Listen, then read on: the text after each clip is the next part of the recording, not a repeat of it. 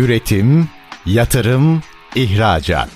Üreten Türkiye'nin radyosu Endüstri Radyo sizin bulunduğunuz her yerde. Endüstri Radyo'yu arabada, bilgisayarda ve cep telefonunuzdan her yerde dinleyebilirsiniz. Endüstri Radyo.com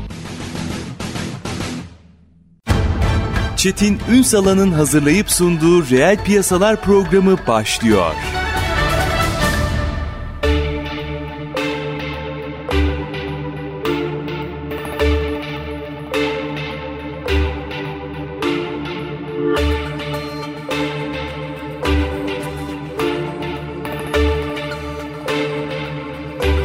Reel piyasalardan merhabalar. Türkiye'nin gerçek gündeminde birlikteyiz. Efendim gündemi elbette takip ediyoruz. Hepimizin de canı yanıyor. Arama kurtarma çalışmaları da devam ediyor. Fakat biz biliyorsunuz programlarda hem sıcak gündemi aktarıyoruz hem mevcut durumu aktarıyoruz hem de sonrası için çözüm konuşuyoruz. İşte şimdi tam da çözümü konuşma sırası. Çünkü bu saatten sonra artık her bir liraya, her bir insan kaynağına çok ihtiyacımız var. Bunun için de o yeni yapılanmaları, yeniden e, meseleleri ele almayı farklı bir biçimde mercek altına almak durumundayız. Yarına ilişkin biraz konuşalım. Yarına ilişkin o girişimlerimizde doğru kurgulamak durumundayız. Biz bunu konuşacağız bugün. E, girişimi konuşacağız, girişimciliği konuşacağız. Dünyada ve Türkiye'deki trendlere de bakarak Endeavor Türkiye Genel Sekreteri Aslı Kurul Türkmen bugün reel piyasaların konu. Sayın Türkmen yayınımıza hoş geldiniz efendim. Çok teşekkür ederim. Var olunuz. Şimdi dediğim gibi sanıyorum her şey değişiyor. Bizim de artık bazı algıları değiştirmemiz gerekiyor. İnsan kaynağına bakarken, hatta buna şimdi yetenek yönetimi diyoruz. Girişimlere hı hı. bakarken, finansman kullanırken ne durumdayız? İlk önce bu fotoğrafı bir çekelim mi? Eksiğimiz, fazlamız ne? Hadi buradan başlayalım. Tabii ki. Öncelikle ben de tüm Endeavor ailesi adına depremden zarar görenlere başsağlığı ve acil şifalar dilemek istiyorum. Aklım orada. Bir yandan da sektör olarak da birçok konuşmalar yapıyoruz. Bundan sonrası için nasıl örgütlenilebilir, teknoloji ve girişimcilik nasıl kullanılabilir, bir sonraki daha hazırlıklı olmak ve böylesi bir durumda yaraları daha çabuk sarmak için. Şimdi aslında hani pandemiyle başlayan çok hızlı bir trend değişimi yaşadık diyebiliriz. Yani hı hı. biraz önce bahsettiğiniz insan kaynakları, trendler, finansman vesaire konusunda. Burada bir kere gerçekten yeteneğin globalleştiğini gördük ve birdenbire insanların yaşadıkları yerden ve ülkelerinden bağımsız dünyanın her yerine çalışıp her yerinde bir şey üretebildikleri bir dünyayı gördük. Bu hem bir avantaj hem bir dezavantaj. Yani Globalleşti değil mi insanlar? Çok globalleşti ve bu bizim gibi ülkeler için yani hem bir dezavantaj hem bir avantaj. Sonuçta yeteneklerimizi tabii ki hani insanlar daha iyi fırsatların peşinde, daha çok para kazanmanın peşinde. Bunun için mobilite de gerekmiyor artık. Oturdukları yerden de yurt dışında çalışabiliyorlar. Bununla alakalı olarak ciddi bir yetenek krizi zaten Türkiye'de yaşanıyordu. Sadece Türkiye'nin derdi değil bu bu arada. Yani biz Endeavor olarak 41 tane pazarda hizmet gösteriyoruz. Bunların hepsi gelişmekte olan pazarlar. Hepsi aynı yetenek krizini yaşıyor. Yani çünkü herkes sonuçta fırsat neredeyse en çok nereden getiri sağlayabilecekse, nereden kazanabilecekse oradan oraya çalışmak istiyor. Bizim burada yapmamız gereken tabii ki hem hep beraber hani daha e, inovatif işlerle mühendislerimizi, yazılımcılarımızı tutmak, daha global işler kurarak Türkiye risklerine yani aynı bu yine herhangi bir gelişmekte olan ülke için söylüyorum. Bir ülkenin riskine bağlı kalmayıp ürünü mümkün mertebe küresel bir şekilde satmak. Şimdi finansman dünyası çok değişti. Yani Covid'in başında biz şey diyorduk yani bütün uzmanlar da aynı şey diyordu. Hani geçmiş olsun bir, uzun bir süre para bulamayacaksın. Piyasalar çok kötü olacak. Ama aslında hiç öyle olmadı. Tam tersine 2021'de inanılmaz rekorlar kırıldı. Değerlemeler hem özel piyasalarda hem borsalarda rekorlar kırdı. Ve bu birazcık şeyden kaynaklanan bir şeydi. Yani hani insanlarda bu bir şey kaçırıyorum hissiyle para yağdı ve aslında olmayacak değerlemeler ortaya çıktı. Şimdi 2022'de bunun birazcık normale dönüşünü görüyoruz ve geçtiğimiz dönemde yani 2021'de bu yüksek değerlemelerden vesaire para bulan şirketlerin tabii ki birazcık zor bir dönem yaşayacaklar. Yani çünkü o değerlemeleri tutmaları mümkün değil. Siz zaten borsaları yakından takip ediyorsunuz. Hı hı. Amerika'daki teknoloji hisselerini görüyorsunuzdur. Doğru doğru. Yani hiçbiri o şeylerine ulaşamadı. O yüzden halka arz yapmayı planlayan şirketler için de ciddi e, o kapı da kapalı gibi şu anda. Ve de işte hani küresel olarak işte Amerika Fed halen daha şey, faiz arttırma sürecini devam, devam. E yani bu bütün tabii ki yani borsanın Türkiye'de mesela farklı bir şey görüyoruz. Çünkü Türkiye'de paranın gideceği başka yer yok. Herkes borsaya yatır parasını. Ama yurt dışında aslında böyle değil. Yüksek faiz var. O yüzden insanlar bir sürü değişik şekilde değerlendiriyorlar. O yüzden finansal anlamda önümüzdeki birkaç sene birazcık sıkışık geçecek gibi duruyor. Ama Türkiye'ye baktığın zaman biz zaten bunlara, yani biz hiçbir zaman o değerleme balonlarını yaşamadık. Anlatabiliyor muyum? Yani biz zaten hı hı. Bir 4-5 senedir çok ciddi bir sıkı bir ortamda faaliyet göstermek zorundayız. Devalüasyonlar yaşadık. Bunlar bizim girişimcilerimiz çok tabii kötü etkiledi. Çünkü sonuçta dolar bazında yabancı bir büyüme göstermek zorundasınız yurt yatırım çekebilmek için. Ama çok ciddi bir eğer kur problemi yaşıyorsak ülke olarak bunu göstermek çok zor. Sonuçta bu bizim girişimcilerimizi uluslararası düşünmeye tamamen itmiş durumda. E bununla beraber yani beyin göçü tabii ki bizi üzen bir şey. Ama bir yandan da ben bunun önümüzdeki dönemde bizim için çok büyük bir artı olacağını düşünüyorum. Çünkü artık Türkiye'de e, insanların yani işte bir üniversiteden mezun olan birisi ya da bir iş kurmak isteyen birisinin yurt dışında birçok tanıdığı var. Eskiden böyle değildi yani kalifiye eleman diasporası yurt dışında çok daha azdı. Şimdi dünyanın her yerinde ulaşabileceği insanlar var, konuşabileceği insanlar var. Buradan ben diasporadan Türkiye'ye çok ciddi bir know-how transferi olacağını düşünüyorum. O insanların birçoğunun oralarda iş kurup ama mesela Türkiye'den mühendisler işe alacağını düşünüyorum ki bu trend zaten var. Yani argelerini Türkiye'de yapıp ama hani founder'ın kendisi, girişiminin kendisi şirket nerede satış yapması gerekiyorsa orada yaşıyor. Ama bütün arge burada oluyor. Bütün bunlar sonuçta Türkiye'de de bir girişimci kültürünün gelişmesine fayda olacak şeyler. O yüzden yani önümüzdeki dönemde ben biz her zaman pozitifiz girişimcilikle alakalı tabii ki. Ama şeyi de söylemek isterim. Yani 2000 mesela işte rakamlar şunu gösteriyor. 2022'ye 21'e nazaran 2022'deki yatırım oranları vesaire düşük gözüküyor. Ama 2021'i çıkarırsanız bütün dünya için konuşuyorum sadece Türkiye için değil.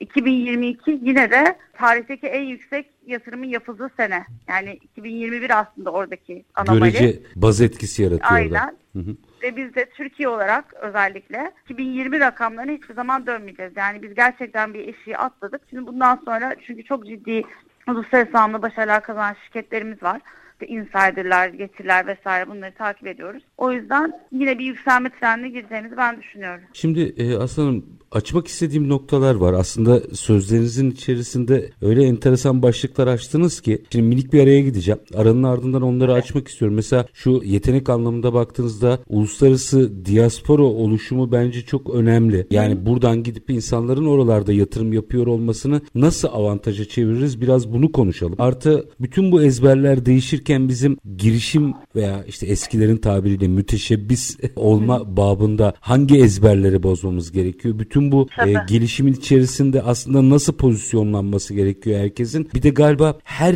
meseleye vergi tabelası falan diye bakmak yerine girişim ruhunu biraz arttırmamız belki şirket içi evet. girişimleri de tetiklememiz gerekiyor. Nasıl olmalı Muhakkak. onu biraz açmak istiyorum Muhakkak. ama bir araya gidelim. Sosyal girişimleri de konuşabiliriz. Aynen teşekkürler bekliyorum. Bir araya gidelim aranın ardından bunu tamam. Açalım. Endeavor Türkiye Genel Sekreteri Aslı Kurul Türkmen konumuz efendim. Yarını ve çözümü konuşuyoruz. Kısa bir ara lütfen bizden ayrılmayın.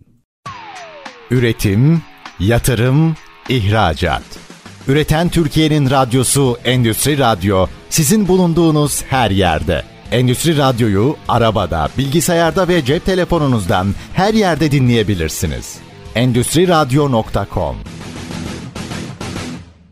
Kısa bir aranın ardından reel piyasalarda tekrar sizlerle birlikteyiz. Çözüm konuşuyoruz efendim. E, bu açıdan baktığımızda da girişimleri mercek altına alıyoruz. Endeavor Türkiye Genel Sekreteri Aslı Kurul Türkmen bizlerle birlikte. Şimdi Sayın Türkmen demin ifadelerinizin arasında birkaç noktanın altını çizdiniz. Bunlarla bir başlayalım. Şimdi mesela çok fazla konuşulmayan bir yetenek bazlı uluslararası diasporadan bahsettiniz ki bence hı hı. Türkiye'de neredeyse hiç konuşulmuyor bu. Biraz açabilir misiniz? Orayı nasıl daha etkin kullanılır hale getiririz? Görürüz? Tabii yani şimdi mesela bizim Endeavor dünyasına baktığınızda işte birçok ülke var. Pakistan'ından işte Ürdün'üne, Lübnan'ından Yunanistan'ına kadar ve bütün bu ülkelerde hani senelerde şunu görüyoruz. İşte Avrupa'da, Amerika'da çok ciddi bir diasporaları var ve bu ülkelerdeki girişimler. Bu insanlarla bağlantı kuruyorlar, mentorluklar oluyor. O insanlar gelip geri ülkelerine yatırım yapıyor.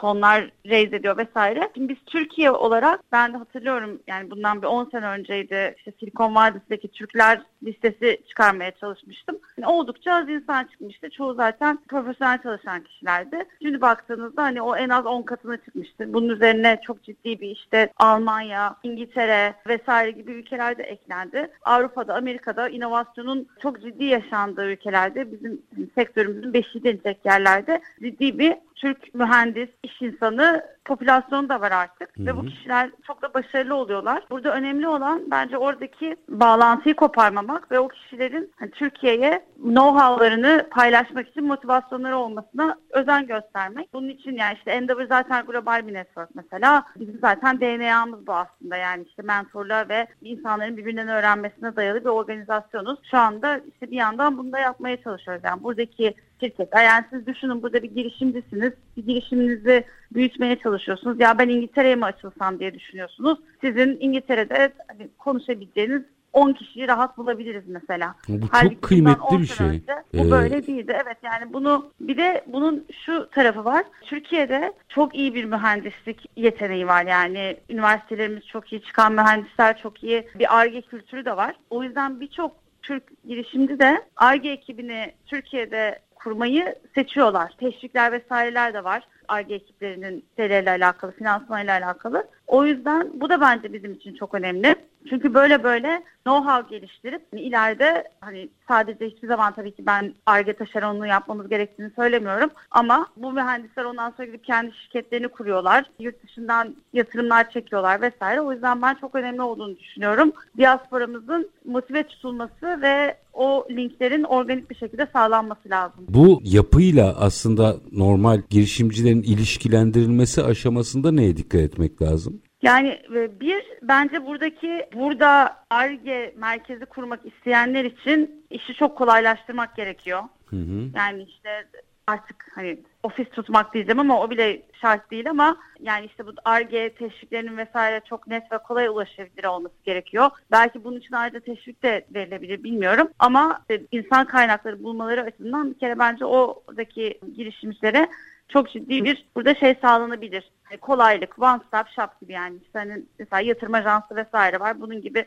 başka bir organla işte burada ARGE merkezi kurmak isteyen şirketlere. Bu arada bunları yapmak isteyen yabancılar da var. Yani Endeavor şirketlerinden de mesela Suudi Arabistan'dan, Bulgaristan'dan, Romanya'dan bize geldikleri oluyor. Yani biz Türkiye'de ARGE merkezi kurmayı düşünüyoruz ne yapabiliriz diye. Demek ki burada böyle bir algı var ve bunun üzerine gidilebilir. Çünkü aslında bizim coğrafyamıza baktığınızda nüfus olarak, genç nüfus olarak ve mühendislik kalitesi olarak çok öndeyiz. O yüzden bu sadece yurt dışında yaşayan Türkleri değil, bölgesel olarak da böyle bir avantaja sahip olmamızı bence gösteriyor. Bunun üzerine gidilebilir diye düşünüyorum ben. Bu söylediğiniz şey çok ciddi ezber bozan bir nokta. Çünkü zaman zaman işte istediğimiz aynı dili konuşamıyoruz, istediğimiz e, niteliği bulamıyoruz gibi serzenişler oluyor. O zaman orada belki bir şeyi sorgulamamız gerekiyor. Şimdi diğer vurguladığınız noktalardan bir başlık açmam lazım bu durumda. Bizim girişimleri zor sorgulamamız, girişim mentalitesini sorgulamamız gerekiyor galiba. Orada hangi ezberleri bozmamız lazım? Yani burada tabii şimdi girişimcilik de çok geniş bir alan. Girişimcide bu mesela bakış açılarından bir tanesi hani kobileri ayrı tutmak lazım tabii ki. Hı hı girişimlerin içinden işte bu yatırım alıp çok büyüyüp işte yurt dışına açılacak bizim etkin girişimci dediğimiz işte girişimcilikler var, girişimcilik var. Bir de birazcık daha lifestyle girişimciliği dediğimiz hani işte 3-4 kişi bir araya gelip hani kurumsalda çalışacağımı, kendi işimi yapmak istiyorum. Hani böyle çok büyük, 10 katına çıkmak istemiyorum. Kendim rahat bir hayat yaşamak istiyorum diyenler var. Şimdi bizim burada bir kere ayrıştırmamız ve desteklerimizi yoğunlaştırmamız demeyeyim, özelleştirmemiz gereken konu bu. Çünkü eğer siz gerçekten işte Türkiye'den yeni bir insider, yeni bir yemek sepeti, yeni bir çıkarmak istiyorsanız markalara bu, girmeyelim.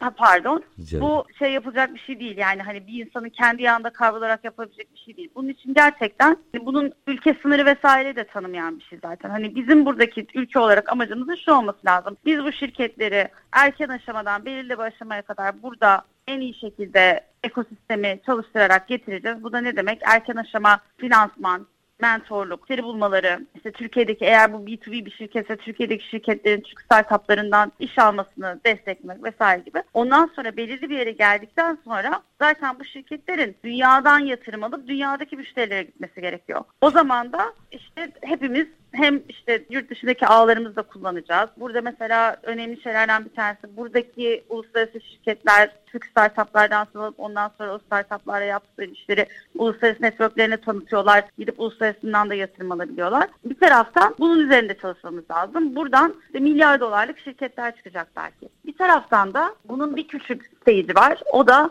hani 10 milyon dolarlık exitler, 20 milyon dolarlık exitler, Türk şirketinin Türk şirketini alması, Türkiye'deki hani birazcık daha bu başında bahsettiğimiz lifestyle girişimcilerinin de ciddi exitlere ulaşmaları ya da hani illa exit yapmak için şirketin 100 milyonlarca dolar olmaması gerekiyor ki o küçük exitleri yapan founderlar ondan sonra gidip daha büyük şirketler kurmak için heveslenebilsinler. O yüzden biz Türkiye olarak baktığımızda bizim şu anda büyük eksiklerimizden bir tanesi, bence iki tane eksiğimiz var. Bir tanesi belirli bir aşamadan sonra fonlama yapamıyoruz şirketlerimize. Çünkü o kadar büyük fonumuz yok ve maalesef yurt dışındaki fonlar da zaten şu anda yurt dışında ciddi bir finansman sıkıntısı var. E, Türkiye'nin kendi işte jeopolitik dertlerinden dolayı Türkiye çok revaçta değil. O yüzden bir de bununla uğraşıyor şirketler. Bir finansmanda bence birazcık daha sağlamlaşabiliriz. İkincisi de o exit sayımız çok az halen daha. O yüzden de hani melek yatırımcılar da aynı şeyden şikayetçi. Çünkü hani yatırım yapıyoruz yapıyoruz yapıyoruz yapıyoruz ama şirketler bir türlü satılmıyor. E bu şirketleri kuran girişimciler için de aynı şey geçerli. Çünkü onlar ancak bir hani şirketlerini satarlarsa ciddi bir maddi rahatlığa ulaşabiliyorlar. O yüzden burada da mesela bu yavaş yavaş olmaya başladı. Bence ileriye dönük daha da fazla olacak. Türk şirketlerinin Türk şirketlerini alması, işte Türk hmm. private equity'lerinin hani daha e, geç aşama fonların Türk startuplarına yatırım yapması gibi şeyler olacak ki bu değer zinciri sıfırdan itibaren şey yapılabilir. Mesela şu anda biz nerede en kuvvetliyiz bence? Bu yeni GSYF'lerle de falan mesela erken aşama finansmanda gerçekten para var. Bir aralar ondan bahsediyorduk yani gerçekten hani şey yoktu yoktu. O ilk aşamada can suyu yoktu yani. Hı hı. Mesela şu anda o var. Şu andaki derste bu ölçeklendirme aşamasındaki yatırım bulmak ve aslında tabii orası çok daha zor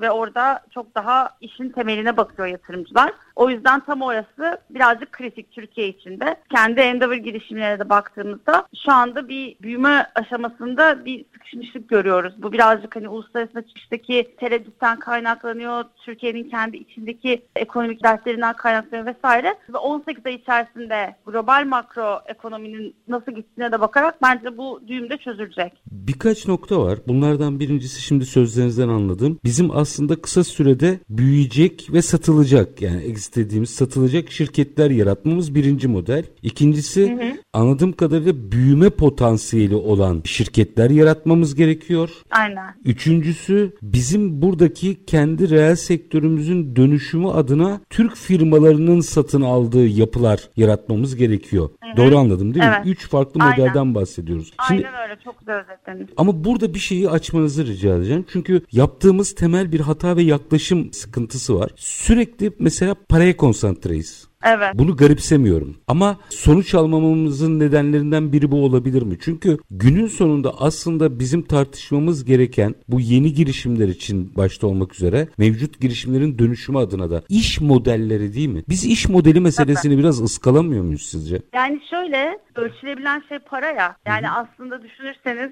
mesela bir şirketin aldığı yatırım miktarı da o kadar önemli değil. Yani 100 milyon dolar yatırım almış ama o kurucunun sadece %5 hissesi kaldıysa öbür tarafta kendi kendine 50 milyon dolar ciro yapan bir girişimci aslında outcome olarak çok daha makbul olması gerekirken biz burada ölçülebilir şeyleri tabii ki çok takıyoruz. Çünkü hani herkes bunu haber yapmak istiyor. Herkes bunu konuşmak istiyor. Kim ne kadar çok yatırım yapmış, almış, kim ne kadar büyük exit yapmış. Bu çok tehlikeli ee, bir bakış açısı değil mi? Yani şöyle. Potansiyeli bence, görmemek e, adına yani. Bu hani büyük yatırımları alan ve büyük özellikle büyük yatırımları alan founderların bazıları da eğer bir sonraki şirketlerini kurarlarsa bazıları yatırım almadan mesela devam etmeye çalışıyor. Çünkü yatırımı içeri soktuğunuz anda da işin rengi çok fazla değişiyor. Şimdi bizim burada tabii görmemiz gereken değerleme vesaire dediğimiz şeyler de aslında belli bir aşamada yani çok ileri aşamalarda değil ama belli bir aşamada tamamen algı. Yani nasıl biz 2021'de aynı şirket 100 milyon dolar dolar diyebiliyorsak 2022'de şirket 20 milyon dolar aslında şirketle ilgili hiçbir şey değişmedi ama tamamen piyasanın algısı değişti. O yüzden de aslında çok şey değil. Stabil bir öngörü de değil. Mesela biz şuna bakıyoruz. Bizimkisi birazcık daha ekosistem geliştirmekle alakalı olduğu için sadece bir şirketin ne kadar yatırım aldığına ve ne kadar büyük exit yaptığına değil o şirketin ayak izine bakıyoruz aslında. Mesela o şirketten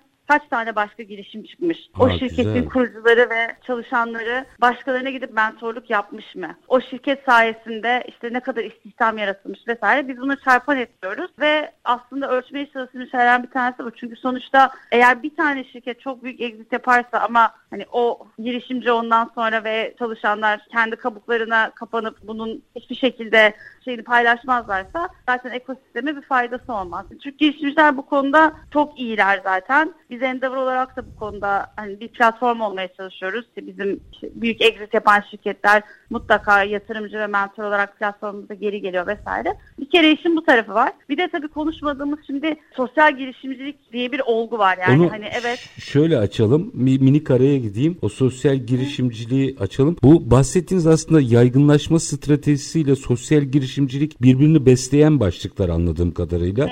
Orayı tabii. biraz açmak isterim ama müsaade edin minik bir araya gideyim. Aranın Tamam. ardından e, devam edelim. Efendim Endeavor Türkiye Genel Sekreteri Aslı Kurul Türkmen konuğumuz. Doğru yapılanmayı konuşuyoruz. E, bakın paranın kıtlaştığı noktada neler yaparak aslında yer edinebiliriz de çözüm odaklı anlatıyor Sayın Türkmen. Minik bir ara. Aranın ardından reel piyasalar devam edecek. Lütfen bizden ayrılmayın. Üretim, yatırım, ihracat. Üreten Türkiye'nin radyosu Endüstri Radyo sizin bulunduğunuz her yerde. Endüstri Radyo'yu arabada, bilgisayarda ve cep telefonunuzdan her yerde dinleyebilirsiniz. Endüstri Radyo.com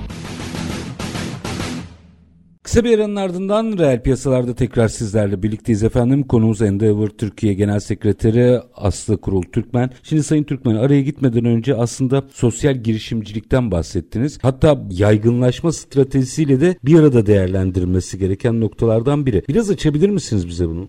Şimdi sosyal girişimcilik birazcık daha yeni bir olgu. İş modelinin aslında paydaşlara odaklı olarak geliştirilmesi ama yine de kendi kendini sustain edebilecek bir şirket olması demek. Yani hani hem para kazanacak ama paydaş bazlı olacak bir işte sosyal bir misyonu olacak ama bu sosyal girişim kuran insan işte para kazanamaz. Yani bir STK değil sosyal. Şimdi bu şekilde baktığınız zaman birçok şu anda işte pandemiyle başlayan şimdi çok daha başka bir gerçekle yüzleştik. Önümüzdeki dönemde yapılması gereken çok iş var bir sonraki depreme hazırlıklı olmak için yapılabilecek çok şey var.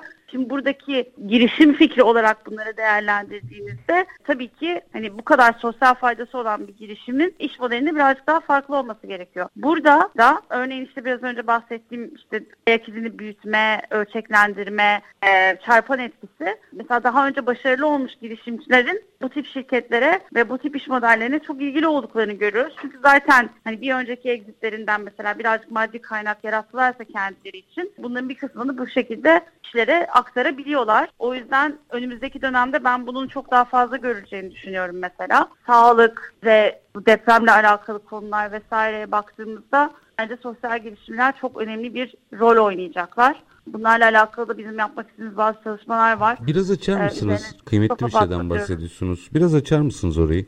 Yani şimdi sosyal girişimlerin fonlanması lazım, mentorluk yapılması lazım, onların doğru noktalarda kamuyla birleştirilmesi lazım. Bunlarla alakalı da bir sektör olarak bir seferberlik yapmamız gerektiğini düşünüyorum ben. Bununla ilgili işte konuşuyoruz arkadaşlarla. Önümüzdeki dönemde hani mesela birçok bireysel çalışmalar yapıldı. Yazılımcılar bir araya geldi. Arama kurtarma çalışmaları olsun. Yani çok değerli ve sahadaki insanların çok işine yarayacak çok çözüm 36 saatte üretildi.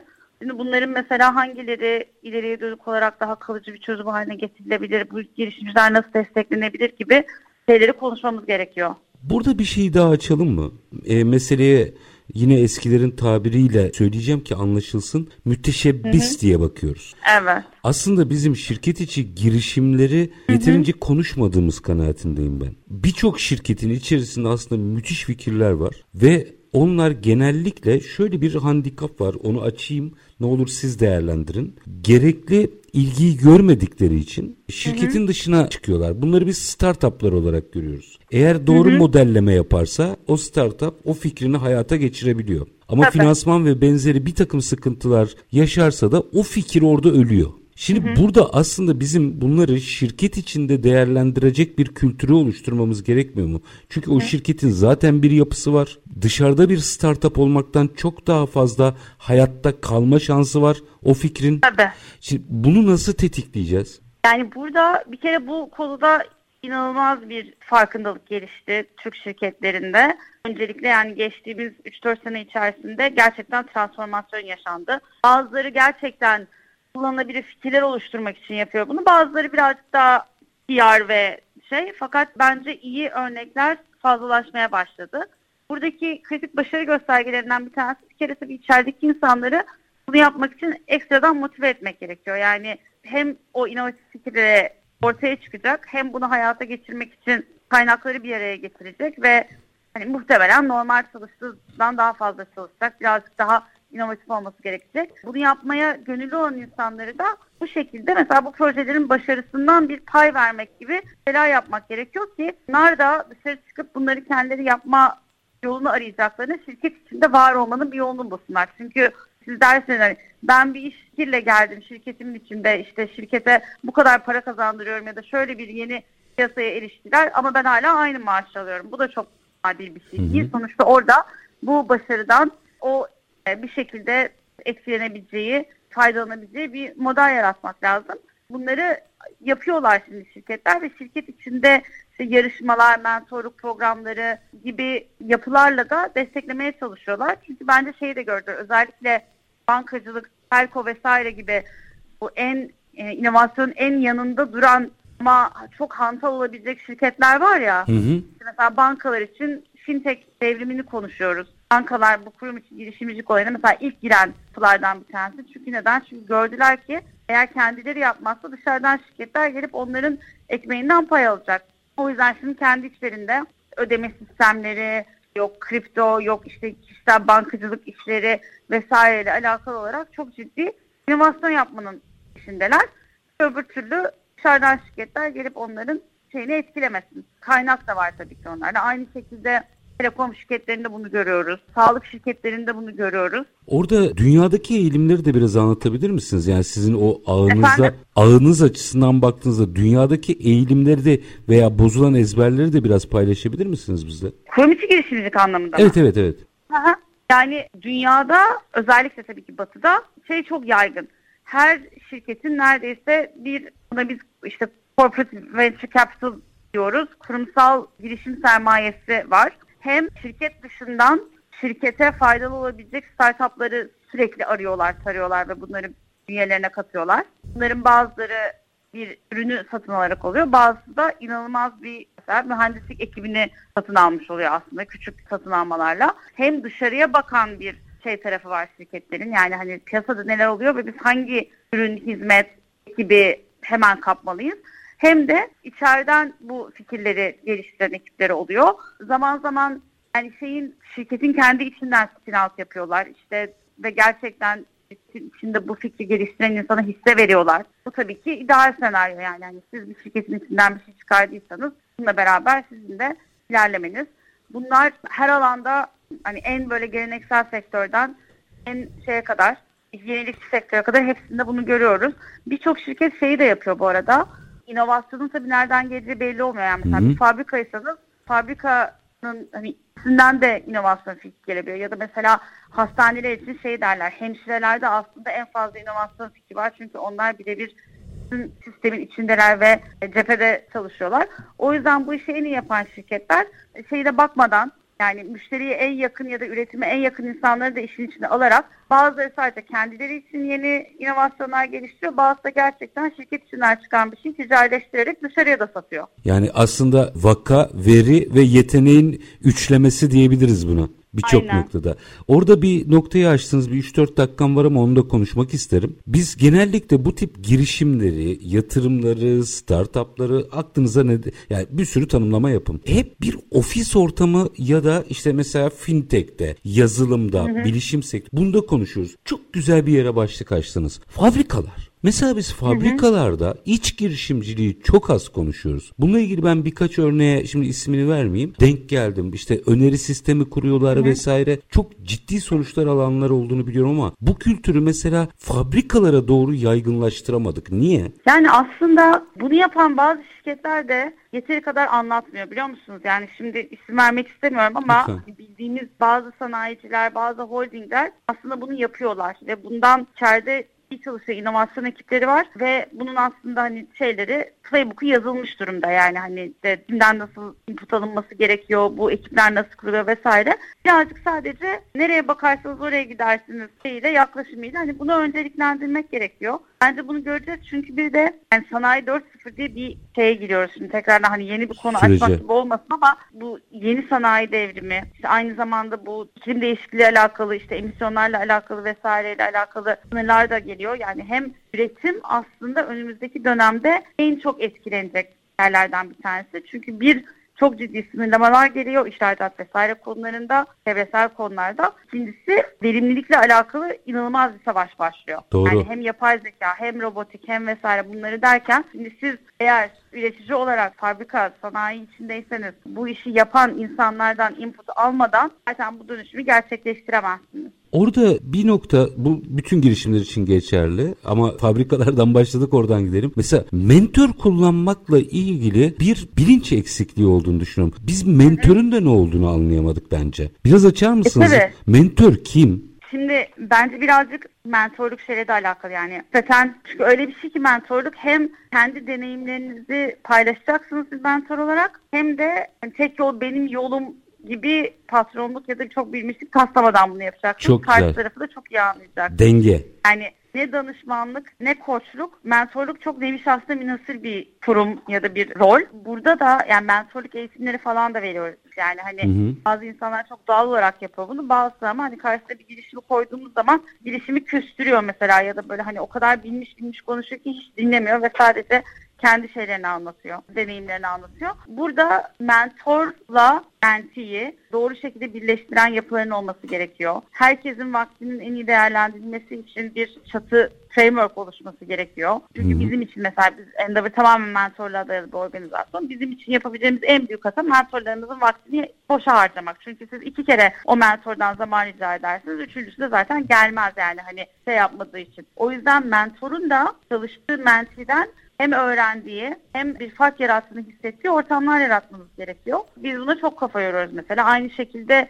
şirket içi girişimcilikte de mesela biz ya da şirketlerle program yaptığımızda şirket çalışanlarını mentorla mentorları çeviriyoruz. Onun için eğitimler veriyoruz. Onların şirket içinde yeni fikirleri geliştiren insanlara mentorluk yapmasını sağlıyoruz ya da dışarıdaki startuplara. Çünkü siz sektörden gelen birisi olarak mentorluk yapmak için illa bir iş kurmuş satmış falan olmanız gerekmiyor. Bir sektörü çok iyi biliyorsanız ya da bir konuyu çok iyi biliyorsanız yine startuplara ya da iş kurmak isteyen insanlara mentorluk yapabilirsiniz. Startupların da en çok şeye ihtiyacı var zaten. Girmek istedikleri sektörü iyi bilen insanlara ki potansiyel müşteri gibi de reaksiyon verebilsinler. O yüzden de zaten özel sektörün girişimcilik ekosistemine girmesi çok önemli. Yani bunlar girdikleri zaman çünkü hem şeyi görüyorlar. Aa biz de içeride kurum içi girişimcilik yapmayız. Aa işte dışarıdaki startuplar bize şu şekilde destek olabilir. Aa bu arada benim şöyle şöyle bir şeye ihtiyacım var, ürüne ihtiyacım var. Acaba bunu bir startupla ortak geliştirebilir miyim? Ya keşke şöyle bir ürün olsa ben alırdım. Aa burada böyle bir startup varmış. Bir dakika ben ona birazcık destek olayım ki hem benim istediğim ürün gelişsin hem de çorbada bir tuzum olsun. Yani bu işte hem bir maddi bakış açısı var hem de çok ciddi bir manevi bakış açısı olması gerekiyor. Yani bu çorbada tuzum olsun bakış açısı ve birazcık da ben öğreneyim bakış açısı çok önemli. Mentorda olması olmazsa olmaz. Müthişsiniz. Yani tecrübe paylaşmak başka, ahkam kesmek başka diyorsunuz Aynen, aslında. Kesinlikle. Süren bitti. Birkaç cümleyle son bir mesaj almak isterim. Biz aslında doğru kurgularsak galiba buradan bir ekonomi yaratabiliriz. Öyle anlıyorum sözlerinizden. Son bir mesaj alayım size veda edeyim. Kesinlikle yaratabiliriz. Yani bizim zaten yarattık bile yani hiç şüpheniz olmasın. Burada olması gereken şey daha fazla mentor, e, yatırım ekosisteminin biraz daha stabil olması ve Türk şirketlerinin yurt dışına açılmasına hepimizin el ele vererek destek olması gerekiyor ki çok daha büyüyebilsinler ve o girişimciler daha sonra ekosisteme mentor, yatırımcı olarak geri verebilsinler. Endeavor Türkiye Genel Sekreteri Aslı Kurul Türkmen çok, çok teşekkür, teşekkür ediyorum ederim. efendim. Sağ olun. Çok mersi. Görüşmek üzere. Var olun.